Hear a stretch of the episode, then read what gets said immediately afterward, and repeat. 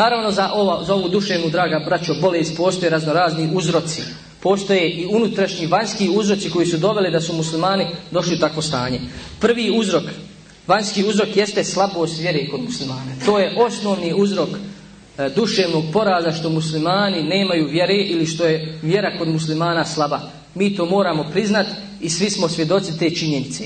Iz, tog, iz te činjenice, iz tog uzroka proizilaze svi ostali uzroci da se stidimo vjere, da se stidimo čafira, da se bojimo čafira, da ih slijedimo, da im se ulizgamo i tako dalje i tako dalje. Drugi uzrok bez sumnje je ostavljanje džihada borbe na Allahom Đelešanu u putu, što je dovelo da su muslimani u poniženju i da su izgubili svoj čas i svoje dostojanstvo. O tome, nas, o tome je nas obavijestio Allah u poslanih sallallahu alaihi sallam u hadisu, koji nam je poznat, kaže poslanih sallallahu alaihi sallam, ako se budete bavili kamatom, i budete se uhvatili za repove vaših krava, to jest budete preokupirani zemljoradnjom i budete zadovoljni i smireni s dunjalukom i budete ostavili džihad, Allah će na vas spustiti poniženje i neće ga dići sa vas dok se ne vratite vašoj vjeri. Znači u ovom hadisu poslanih sada srlom spominje bolest koja je pogodila ovaj umet i naveo je dva primjera za tu bolest. Prvi je ili dvije vrste te bolesti. Prva vrsta je što su muslimani, što muslimani svjesno čine harame koje Allah Đelešanu zabranio, koje su jasno islamom zabranjene. Navo je, navo je primjer kamate, koji je jedan od najvećih grijeha, međutim, možemo pridodati sve ostale grije kao što je ostavljanje namaza, kao što je, kao što je zinaluk, kao što je krađa, kao što je laž, kao što je nepovjerenje, i tako dalje i tako dalje. I to je prvi razlog ovakvog stanja muslimana. Što muslimani javno griješi. Nema stida više u griješenju. Nekada prije rata u onoj Titinoj Jugoslavi nije bilo javnih kuća jer je bilo zakonom zabranjeno. Sad niču ko pečurke. Sad se to javno čini i to je više zakonski regulisano. Sada se po, na, na ulici u autima može naći javna kuća I to je to jeli, javno griješenje na koje nas upu, onaj, uputio poslanih sallahu sallam. Druga vrsta je preokupirano s dunjalukom. Preokupirano s dunjalukom i zbog toga zapostavljanje Allahovi naredbi. Čovjek kada mu se srce previše veze za, onaj, za, za ovaj svijet, za dunjaluške, jeli, dobro, dunjaluške dobrobiti, dunjaluška bogatstva, isprazni mu se srce od sjećanja na uzvišenog Allaha. Čovjek može biti bogat i to je pohvalno da musliman bude bogat, ne zavisi od drugog, da svojim bogatstvom pomaže islam i pomaže druge siromašne muslimane. Međutim, taj dunjaluku, ne smije, ne, dunjaluku mu ne smije ući u srce da, pre, da preovlada, da zaboravi na Allaha Đelešanu i kada će Allaha Đelešanu njega zaboraviti. Ovo poniženje, draga braćo, koje je najavljeno u hadisu, desilo se zbog čega? Zbog tri stvari. Znači, zbog toga što javno griješimo, zbog toga što što smo preokupirali se, smo se preokupirali dunjalukom i treća stvar, zbog toga što smo ostavili džihad, pa je Allah Đelešanu uspustio poniženje na nas. Takođe strah i obezrabljenost, obezrabljenost kod muslimana je donje, dovela do duševnog poraza. Muslimani danas gledaju na nevjernike kao na sile koje se nikada ne mogu poraziti.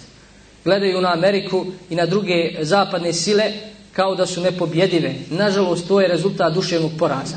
Mi znamo kakav je bio Sovjetski savez. Bio je najjača sila na svijetu. Šta je bilo od njega? Raspao se preko dana ili preko noći.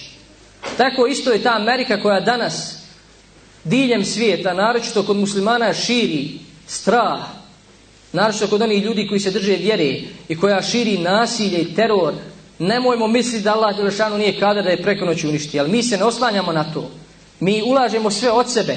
Prvo se kanimo grijeha, znači da otarasimo se ovog ovog prvog razloga duševnog poraza. Pa onda ne vežemo se za dunjaluk, jel kao što kaže poslanik za selem, i onda hvatamo se za ono što nam je naređeno, a to je branjenje islama, branjenje islama džihadom i širenje islama do onih dok je nije dospio, naravno isto, isto džihadom. Mi smo zaboravili prirodu ove vjere i zato ćemo naći da mnogi posustaju posrnu poslije lahkih iskušenja ostave svoju vjeru ili ostave neke principe svoje vjere. Mi smo zaboravili ajetu kome Allah Đelešanu kaže Alif la min, ahasiban nasu an yutraku an yakulu amanna wa hum la yuftanun وَلَقَدْ فَتَنَّ الَّذِينَ مِنْ قَبْلِهِمْ فَلَيَعْلَمَنَّ اللَّهُ الَّذِينَ صَدَقُوا وَلَيَعْلَمَنَّ الْكَادِبِينَ Kaže, misle li ljudi da će biti ostavljeni ako kažu mi vjerujemo. A mi smo iskušenje dovodili i one prije njih da bi Allah ukazao na one koji, koji su iskreni i one koji nisu. Mi smo ovaj aj često spominjali, često ga spominjemo, često ga učimo, međutim, nismo shvatili njegovu suštinu. Ono što se danas dešava u svijetu, nakon događaja 11. septembra i prije, jeste samo iskušenje za muslimane da Allah Đelešanu uvidi ko je iskren, ko nije, da se pročiste nijeti, da se pročiste namjere, da se pročiste redovi među muslimanima, da otpadnu oni koji, koji, koji ne zaslužuju da budu među muslimanima.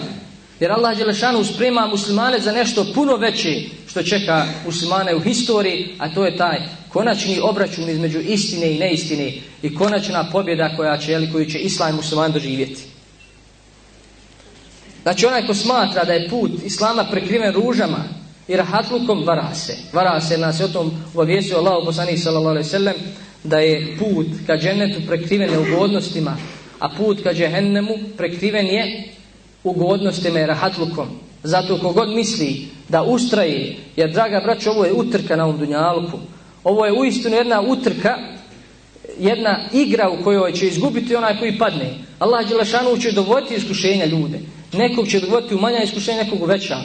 Iskušenje, recimo manja iskušenja da imaš problema u poroci zbog, pri, zbog prihvatanja vjere, problema u okolini i tako dalje. Veća iskušenja su, iskušenja su progon, ubijstvo, zatvor i tako dalje. Allah Đelešanu u iskušenjima želi očvočvrsnuti vjernika, da ustraje, da bude spreman na naredni period koji, možda, koji će možda biti teži. Zato Allah Đelešanu neće nikada čovjeka dovesti u iskušenje koje neće moći podnijeti. Allah Đelešanu najbolje zna nas. Bolje nas zna od nas sami. Zato ako čovjeka vidimo da je pao na iskušenju, nemojmo, ne bude bila reći iskušanje, Allah je iskušan pao. On je kriv. On nije dozvolio, u stvari nije čuvao svoju vjeru nije čuvao svoje srce da bi mogao ustrajati, da bi mogao podnijeti ono jel, čime ga Lađešano iskuša, iskuša. Mora se, draga braćo, dokazati vjera. Mora se dokazati vjera. Ono što se dešava danas, to je samo pritisc, jel, neki pritisci politični, neki, neka jel, duševna težina na duši, ono što se dešava muslimanima, to nije nikome lahko da trpi, međutim, to treba da jača čovjekovo ima, čovjekovo srce. Čovjekovo srce. Nismo ništa doživjeli šta su doživljavale generacije prije nas, da ne govorimo o tome, jeli, da ne govorimo o hadisima, o ljudima koji su na, popola raspolovljeni i šta ja znam, odvajano im meso od kostiju, zbog toga što su bili vjernici, ali nisu ostavljali svoj vjeru. Isto tako, draga braćo, pogrešno je da gledamo u historiju, u odre, samo u određene periode historije ili samo na određena mjesta. Recimo, navešemo primjer. Ne trebamo gledati crno, zato što je se određeno prijedu, e, desilo muslimanima to i to. Kao što je bio period kome su Tatari osvojili, porazili, jeli, eh, hilafet, osvojili Bagdad i ubijali su 40 dana u Bagdadu. Neki historičari navode da je ubijeno 2 miliona muslimana za 40 dana. Muslimani su ubijani ko životinje po ulici. Raširila se kuga i tako dalje i tako dalje. Da bi Allah Đelešanu ponovo dao da se muslimani vrate vjeri Jer to je lijek kao što stoji u hadisu. Allah će spustiti na vas poniženje i neće ga dići sa vas dok, ne, dok se ne vratite vašoj vjeri. Dok se ne vratite vašoj vjeri. Ne misli se na vraćanje djelomično, nego u potpunosti vraćanje vjeri islamu, prihvatanje islama kao univerzalnog sistema života. Isto tako, kršćani su osvojili uh, Jerusalem, osvojili su Beitul Maqdis. 91 godinu su vladali Palestinom i 91 godinu se nije klanjala ni džuma, ni bilo koji drugi namaz. Zamislimo to stanje da, da, se to, da se to desi nama u Bosni. Međutim, Allah Đelešanuhu šalje Salahudina i ubiju nakon što su muslimani se vratili svojoj vjeri i ponosu i opet nakon 91. godinu osvaja se Jerusalem, osvaja se Mesjidul Aksa i ponovo se jer ponovo se drži hudba i ponovo se klanja džuma i klanjuju se ostale namaz. Znači ne trebamo gledati samo na određene periode o, historije ili određena mjesta, gdje, gdje, je crno muslima, gdje se desilo crno muslimanima i to će proizvesti kod nas očaj taj duševni poraz. Kada je u pitanju neprijatelji ove vjere znaju tačke slabosti kod muslimana, pa ćemo vidjeti kako su postupali da, da, da poraze muslimane. Mi znamo da nevinici nisu nikada vojno uspjeli protiv muslimana. Trajali su godinama i desetinama godina ratove, ali su uvijek muslimane kraj izlazili pobjednici. Tako u Bici, u stvari u ratu koji su Francuzi vodili u arapskom svijetu. Louis IX je bio zarobljen u strane muslimanske vojske u bitci na Mensuri u Egiptu. Proveo je u zatvoru četiri godine i tom periodu je upoznao mentalitet muslimana i njihovu psihu. Pa kada je bio pušten, kada se vratio u Francusku, rekao je svojim sljedbenicima i svom narodu, vi nikada nećete pobijediti muslimane s mnoštvom vojske, niti sa ječinom vojske, nego ćete ih pobijediti sa ženama i pobijedit ćete ih sa vinom. I u istinu takve metode koriste i dan danas. I u tome su uspjeli. Mi znamo da koliko, kako je bilo stanje ovdje kod nas za vrijeme rata. Napadnuti smo strane Srba, pa poslije od Hrvata, ostavljeni od cijelog svijeta, blokirani. Međutim, i pored takvog stanja, i pored toga što smo bili slabi kao muslimani, to moram priznat, Allah je zašao da se odbranimo. Međutim, kada smo završili s tom vrstom rata, kada su vidjeli da ne mogu tako, da nam tako ništa ne mogu, posjegli su za ovom vrstom rata za žen, sa, jeli, za ženama i vinom i javnim kućama i šta ja znam koje kakvim prosperitetom i civilizacijom i Evropskom unijom i ulaskom Evropi tako dalje. I uspjevaju kod većine svijeta.